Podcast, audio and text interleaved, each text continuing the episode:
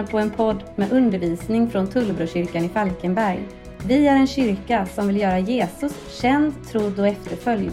Vi hoppas att det du lyssnar på ska få bli till glädje och uppmuntran för dig.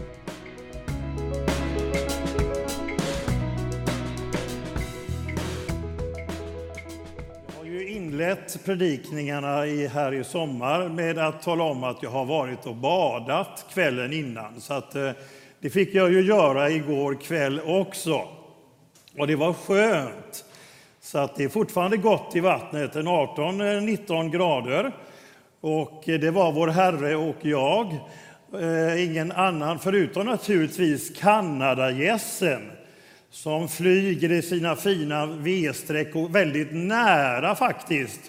Och då hejar jag på dem och nu kan jag gratulera dem för att det är nämligen så att i år så fyller Kanadagässen 90 år. Inte de som flyger här nu, men men arten, det är nämligen 90 år sedan en zoolog tog med ägg från Nordamerika till Sverige och lät grågässen eh, ruva och kläcka dem och så fick vi de här fina V-strecken och så flyger de hit och dit och ska de till Skåne och Danmark och norra Tyskland och så vidare. Det var en härlig stund. Det är fantastiskt och Gud är närvarande. Och så är det skönt att bada. Det var härliga vågor att slänga sig i och jag kände mig som en yngling. Ja. Det är ju diakonin söndag idag. Temat är medmänniskan.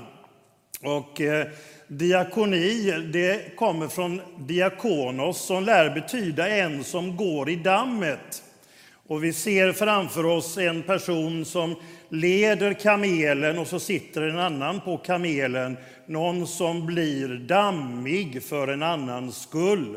Och det kommer vi möta i vår text idag också om den barmhärtige samarien. Jag väljer den andra årgångens text idag. Och han blev mer än dammig. Det är också intressant att lägga märke till att ordet diakon var ett föraktat ord i det grekiska samhället och samtiden. De grekiska vishetslärarna, sofisterna, sa så här, hur kan någon vara lycklig om man måste tjäna? Så detta föraktade ord tar kristendomen och lyfter in det på grekisk mark och gör det till en central kristen livshållning. Så spännande, vilket sprängstoff det var på den tiden och får vara också idag. Diakon, en som går i dammet. Och vi ska alldeles strax läsa den välkända berättelsen om den barmhärtige samarien. Men den ska läsas för det är en förklaring och utläggning av något som Jesus några kapitel innan i Lukas och även i Matteusevangeliet har uttalat, nämligen från bergspredikan. Och det är en sån här krångligt sammanhang som eh, man kanske inte alltid så där, eh, känner sig jätte hugad att ta sig an, för det kan se väldigt komplicerat ut. För det är ju så att Jesus säger där att eh, ni har hört att du ska älska din nästa men hata din fiende. Och det står det ju inte någon annanstans i Bibeln, det står det ju inte. Utan det står älska din nästa som dig själv. Men så hade fariseerna och rabbinerna gjort en liten tolkningsfiness. Därför att man såg nämligen, för läser du vidare där i Bergspredikan så står det i Bergspredikan 5 att Gud är barmhärtig mot alla. Han låter sin sol gå, gå upp över både onda och goda. Han låter det regna över rättfärdiga och orättfärdiga. Men fariseerna hade tolkat det så här att Gud så att säga, man skilde mellan rättfärdig och orättfärdig och såg bara sin meningsfrände, sin grupp. Judarna, de som höll lagen, de var nästan. Och därför var det då religiöst riktigt att hata resten av mänskligheten, det vill säga icke-juden. Så när det står att vi uppmanas att älska vår ovän, som det står i 1917, eller älska din fiende i den nya, så är det inte i primära, när man tänker fiendskap, utan kontexten som Jesus tar upp, det är nämligen alla människor utanför din grupp. De är så att säga ovännen eller fienden.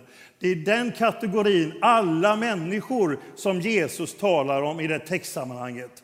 Och sen så avslutas ju det med det här riktigt maffia, där Jesus säger var fullkomlig så som er fader är fullkomlig. Och då kan man ju känna godnatt. Jag vet inte om ni känner det så, men eh, det är lätt hänt att man känner det och så tänker man syndfrihet, ja, det är omöjligt. Nej, det är inte alls ett sånt ord, det är ett mognadsord.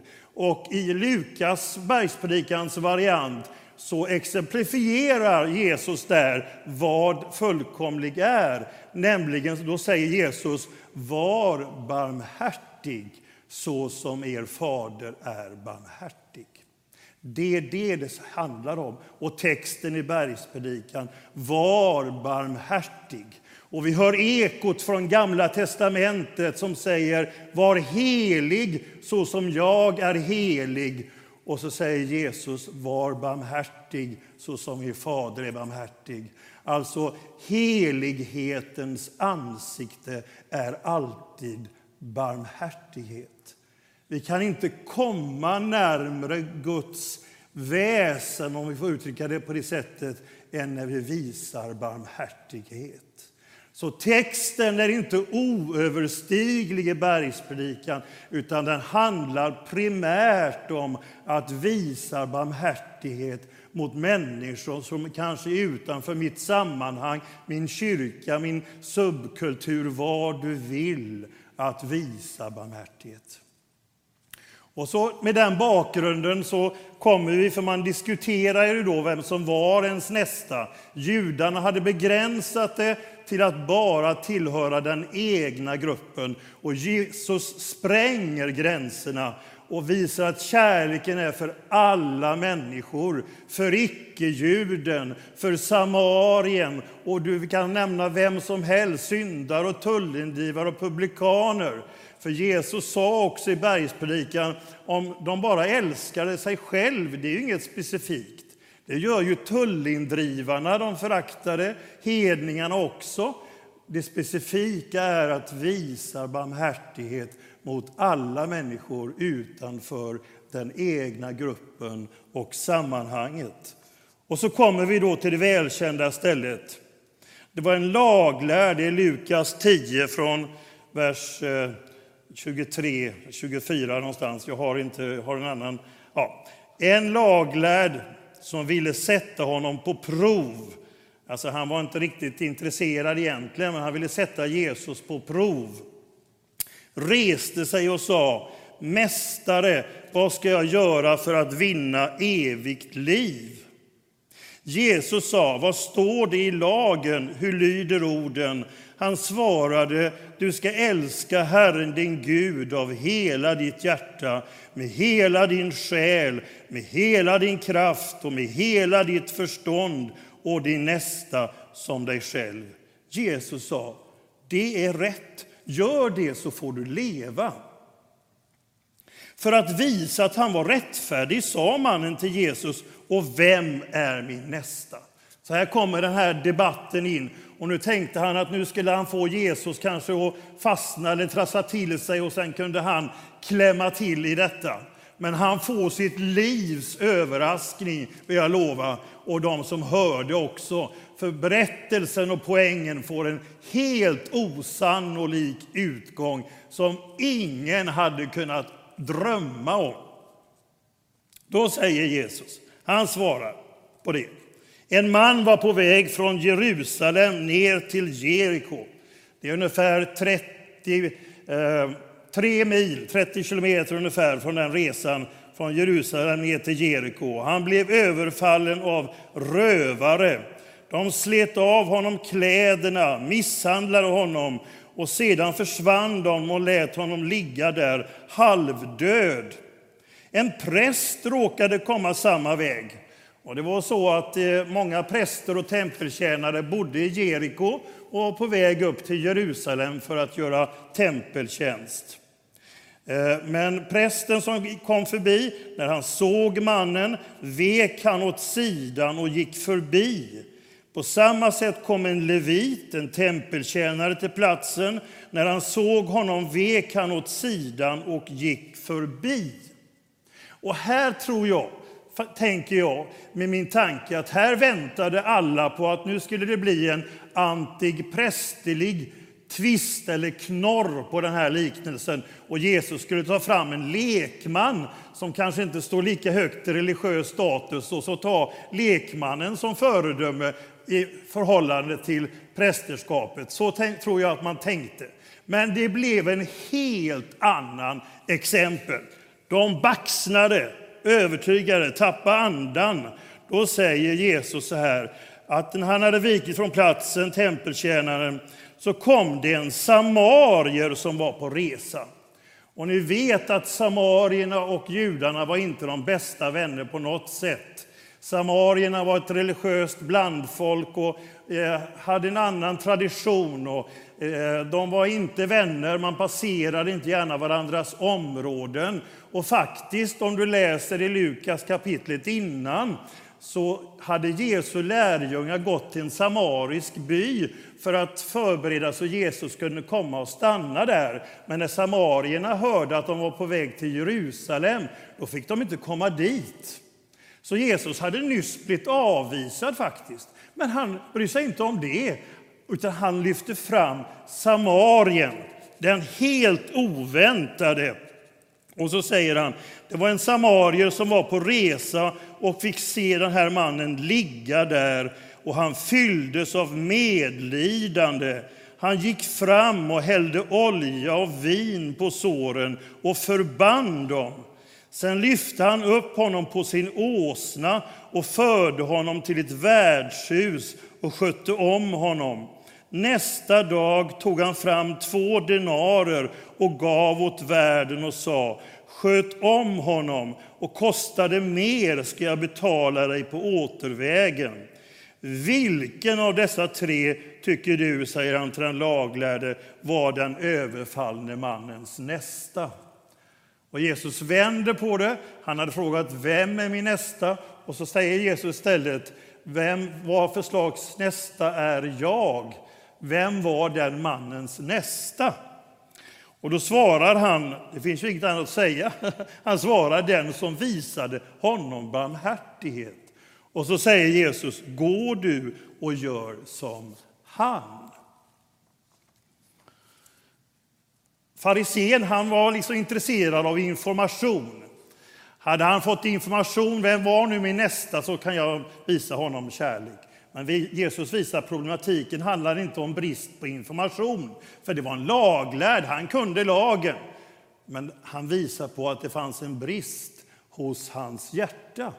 Därför att kärleken hade inte behövt fundera på vem som är min nästa. Den tänker inte uppdelande, liksom så här man delar upp i olika grupper och så.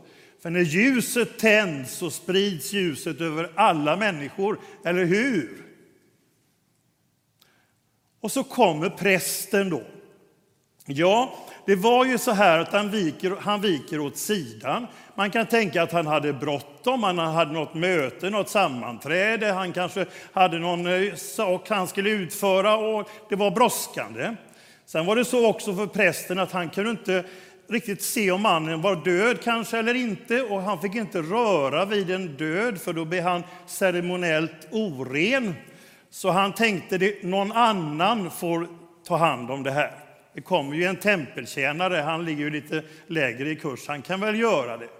Och ni har väl hört det här argumentet, alla andra gör det, det vill säga ingen. Eller någon annan gör det, och ofta är det ingen. Leviten, han kommer där, tempeltjänaren, men han viker också undan, vill inte se det här. Han kanske också var rädd för att rövarna kunde ligga någonstans där i buskagen. Man vet ju inte. Det kunde ju vara livsfarligt att stanna och gripa in. Och eh, man kan tänka att han hade också bråttom och, och sen kunde han komma hem och berätta hur hemskt det är i vårt samhälle.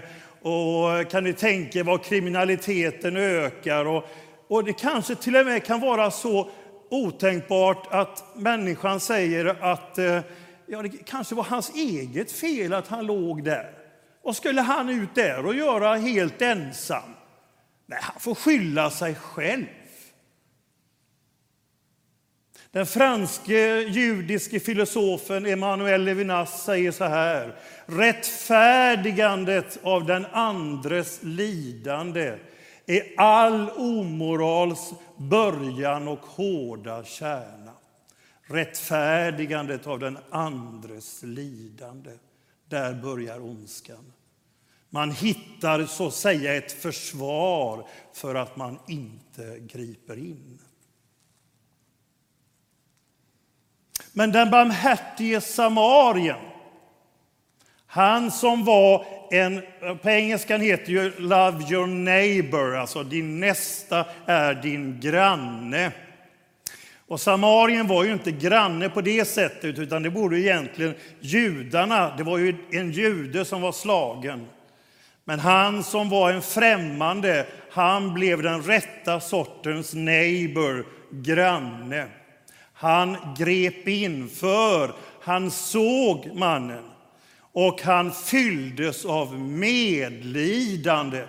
Han blev berörd. Och det var ju det som budet handlar om, att älska din nästa, att beröras. Och våra hjärtan behöver beröras. Och vi ser det i vårt samhälle som är så plågat idag. Så många människor som handlar i barmhärtighetens tjänst. Och jag tycker det är fantastiskt mitt i den svåra tid vi är. Så mycket barmhärtighet. Men den här samarien, han ger inte bara första hjälpen. Han ger mycket mer än vad som skulle förväntas. Han kommer fram, kollar läget, han ger vin för att rena såren, olja för att ge smärtstillande, förbinder honom och så lyfter han upp han på åsnan. Det är ju ett företag det också, men han får upp honom på åsnan. Och det står inte hur långt det är till värdshuset, men det var säkert en bra bit, för man skulle ju inte råna någon precis intill ett värdshus. Och oavsett om rånarna fanns där eller inte, så förbarmar han sig över mannen, upp på åsnan och så tar han honom till värdshuset. Och han kanske hade ett eh, businessmöte den dagen, vem vet? Men vad gör han? Jo, han skickar inte bud eller hem eller någon eh, sådär liksom, jag kommer imorgon istället. Eh, utan han stannar kvar över natten och vårdar den här personen, står det. Och sen när han har gjort det så säger han så här till världen att nu får jag gå vidare, men du får två denarer. Och här är lite olika meningar. Polybius, den grekiske historikern, 150 f.Kr. sa att på den tiden så kostade ett värdshusnatt i Italien det kostade en 32 dels denar. Så om den valutan höll sig så betalade han alltså för två månader Sen finns det en annan forskare och historiker som menar att det var en tolftedel och då blir det 24 dagar, tre veckor. Det spelar ingen roll, det är för en lång tid. Är ni med? Han gör inte det minsta möjliga, utan han gör så mycket mer. Det är klart det var kännbart, det var inga småsummor. Och sen så säger han då det fantastiska, jag kommer tillbaka, jag gör ett hembesök, jag gör ett återbesök för att se hur du står till. Och har du merkostnader för honom så betalar jag det då. Det är så otroligt starkt.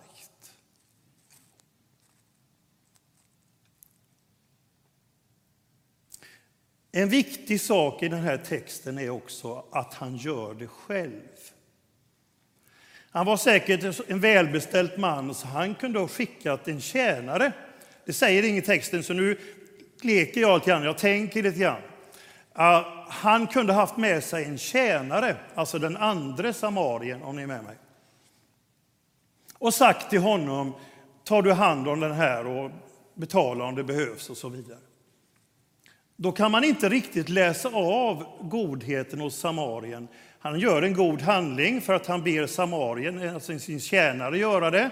Och det är gott och väl. Men man vet inte om tjänaren gör det av barmhärtighet. Det kan han göra, men han kan också göra det därför att hans herre har sagt det. Så poängen är här att han gör det själv. Nu vet jag att man inte alltid kan hjälpa alla människor själv, men här är en jättepoäng. För Jesus tvättade fötterna som var lågstatusarbetet själv. Han rörde vid de orena, de leprasjuka och rörde vid dem själv. Han samtalade med de prostituerade och gav människovärdet vidare och han gjorde det själv. Och vi kan inte hjälpa alla. Men vi kan inte bara ha ombud, om ni förstår mig. Vi behöver möta själv. Och jag kan ta exempel från vår stad och, och, och, på många håll, men jag vill ta från Indien, när jag var och hälsade Anette och jag på vår yngste son som jobbade uh, i Chennai, före detta Madras. Och vi fick följa med socialarbetaren där. Man arbetade med skola för att hjälpa barn som arbetade på sophögarna för att hitta något sätt att kunna försörja och hjälpa till med familjen. Och man ville hjälpa dem loss ur det här livet och eh, gick till föräldrarna och erbjuda skola och skolgång så att de fick en ny möjlighet att leva och inte vara förslavade till att vara arbetade på de stora sophögarna. Ni har säkert sett det, det är fruktansvärt. Och så fick jag och Anette följa med den här socialarbetaren hem till de fattigaste av de fattiga där de samtalar om att det finns möjlighet för deras barn att få en annan framtid. Och det förundliga för mig, jag var så berörd av att möta människorna, men också när de fick höra att jag var en religiös man, religious man, en pastor, så ville de att jag skulle be för dem. Be till Gud. Det var hinduer och muslimer.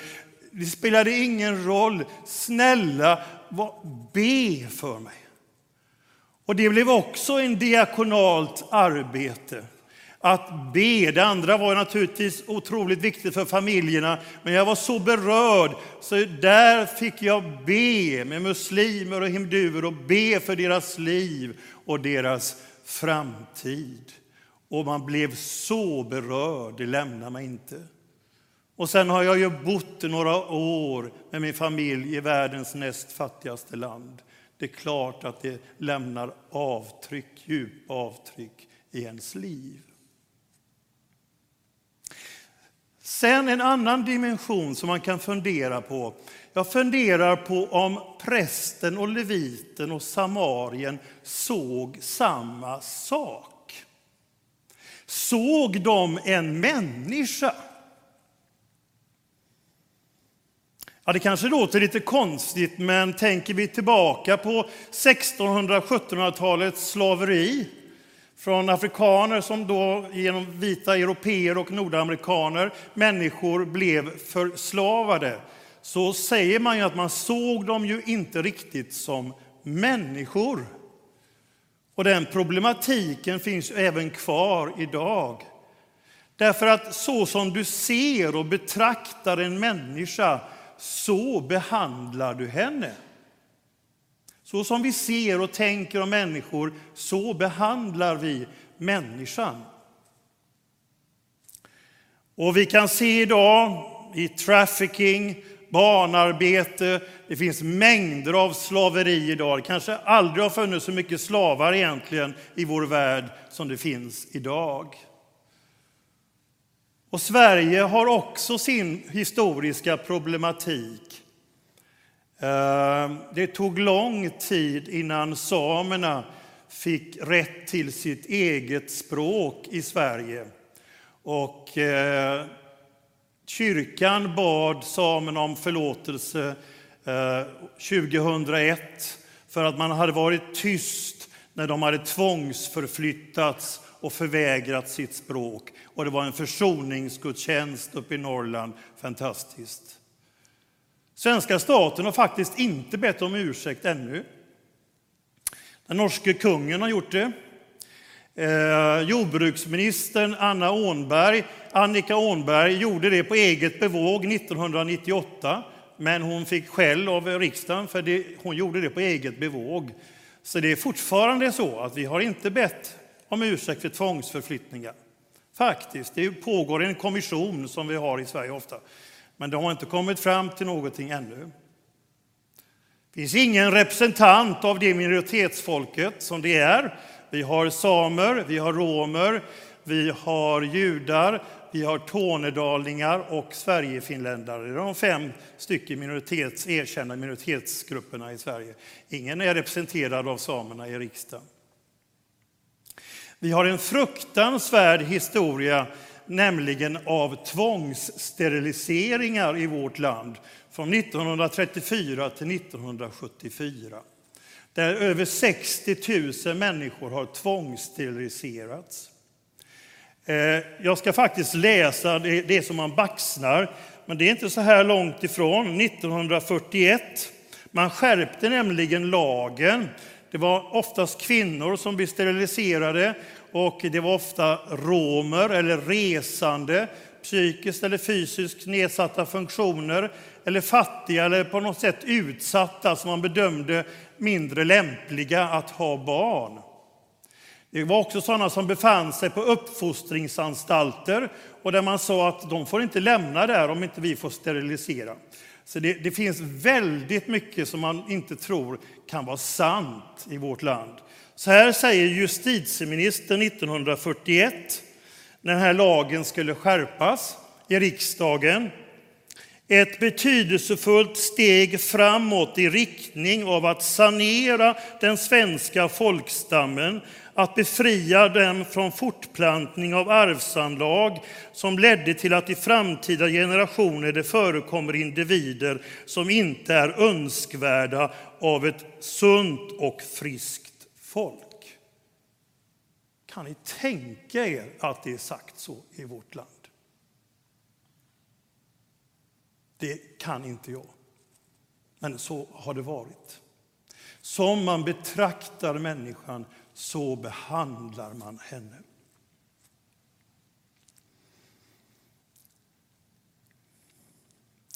När det är väckelse i en kyrka och man gör reportage i kristen tidning. Hur brukar det se ut då? Har ni något förslag hur det brukar se ut när man ska skildra väckelse från en kyrka? Får jag få vara lite frågvis? Vad tycker ni? Har ni tänkt er? Får ni någon sån här bild? Jag ser ofta, ofta är det så här, ja precis så Magnus, så här. Och man blundar eller någonting och så är det så här. Och visst kan det vara ett uttryck för väckelse, jag säger inte det. Men jag funderar på om inte den bästa bilden skulle vara så här. Jesse Jackson, den amerikanske pastorn, medborgare och människorättsaktivisterna säger att enda gången du får se ner på någon annan människa, det är när du böjer på dig och drar henne upp. En utsträckt hand, och det inte en utmärkt bild på en väckelse? Vad säger ni? En utsträckt hand till en människa som behöver hjälp. Och jag är glad för diakonal verksamhet i vår stad och familjediakoni, RIA och LP-kontakten och Brohjälpen och många andra. Man talar ibland om tyst diplomati och det finns tyst diakoni också. Ja, den består ju av dig och mig, vi som på olika sätt möter människor. Det kanske inte blir rubriker, men vi gör en diakonal tjänst. Vi visar barmhärtighet. Pastor Marianne Andreas hade en artikel för en tidning som heter Petrus som fanns för en hel del år sedan. Och hon talar där om, Bibelns vägskyltar som en liten hjälp för oss att konkretisera den barmhärtige samarien. Och de vägskyltarna finns naturligtvis inte i Bibeln, men de finns där ändå. Då är det stoppskylten, den röda, här måste man stoppa. Var är det någonstans? Jo, säger hon, i den farliga kurvan mellan Jeriko och Jerusalem. Där är det stopplikt att hjälpa den mest behövande. Sen har vi lämna företräde eller väjningsplikt, skylten. Vem har vi väjningsplikt för? Jo, säger Jakobs brev, att ta hand om föräldralösa och änkor är en gudstjänst, står det, som är välbehaglig för Gud. Hur firar vi gudstjänst? Ja, vi gör det så här, men vi gör det också när vi engagerar oss för föräldralösa, för änkor och änkemän, den fattige, den sjuke, den i fängelse. Du vet hur Jesus säger i Matteus 25. Det ni har gjort mot en av dessa mina bröder har ni gjort mot mig. Det här är väjningsplikten. Och så finns det de blåa skyltarna, påbudsskyltarna, Jesusorden, där Jesus säger till oss rakt och klart och vi tar det till oss och funderar, hur skulle Jesus handla i den här situationen? Tar det till oss och reflekterar och tänker. Det är inte på låtsas, utan det är på fullt allvar. Hur skulle Jesus göra? Och till sist, att vara medmänniska. Vilken sorts nästa är jag? Ja, man kan ibland känna sig förlamad över alla behov som finns. Och jag vet ju att jag kan ju inte möta alla. Jag kan inte engagera mig i alla människor lika, det går inte. Men det finns människor som kommer i min väg, olika perioder, kanske olika intensiteter, men där jag kan få vara en nästa. Andra människor som blir en nästa till mig, där jag befinner mig i svårigheter. Det finns där naturligt. Jag kan inte hjälpa alla tiggare och man kan fundera över den här situationen i vårt land. Men nu när jag var till en livsmedelsaffär så träffade jag en som satt utanför en butik som jag har lärt känna en del och som jag inte hade träffat på länge. Och jag blev så glad och han blev det också och så fick vi ju hälsa så här då. Det är ju så. Men vi kunde samtala och prata och hur läget var. Och poängen är inte egentligen gåvan, även om de skulle behöva det, utan du ser människan. Du möter blicken, du vänder dig inte bort. Digniteten, värdigheten. Han frågade Moder Teresa när hon fick fredspriset, är inte ditt arbete bara droppar i havet? Må så vara, sa hon, men havet består av droppar. Jag kan inte lindra världsnöden, men jag kan lindra världsnöden i några människors liv och göra skillnad. Att vara medmänniska. Och till sist vill jag säga så här enkelt och praktiskt. Hur får man en människa att känna sig viktig och ha sitt människovärde? Jo, bara så enkelt att du genuint intresserar dig för den människan. För om du möter en människa som aldrig frågar dig om någonting, hur det är med din familj, dina barn, ditt arbete, din fritid, aldrig ställer den frågan, vad händer då? Jo, den människan känner man inte jättelust att möta igen. Därför att i takt med den andres ointresse så förkrymper man och förminskas. Men möter du en människa som är intresserad av ditt liv, då får du människovärdigheten åter. Så möter man en tiggare eller vem det än är. Du är intresserad. Och Jesus, den stora utmaningen för kyrkan och församlingen i vårt land är idag, om vi är på Jesus sätt möter människorna i vår omgivning på Jesus sätt. Gud får hjälpa oss, vi är ju bristfälliga, men, men att vi vill handla i den riktning som Jesus visar Och det är det kanske mest radikala av allt. Var barmhärtig så som er fader är barmhärtig.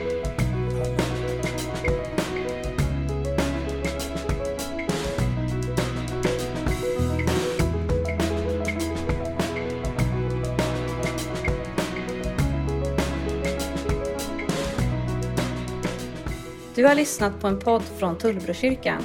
Du är alltid välkommen till våra gudstjänster på Halmstadvägen 5 i Falkenberg. Besök oss gärna på tullbrokyrkan.se för mer info eller sök på Tullbrokyrkan på sociala medier.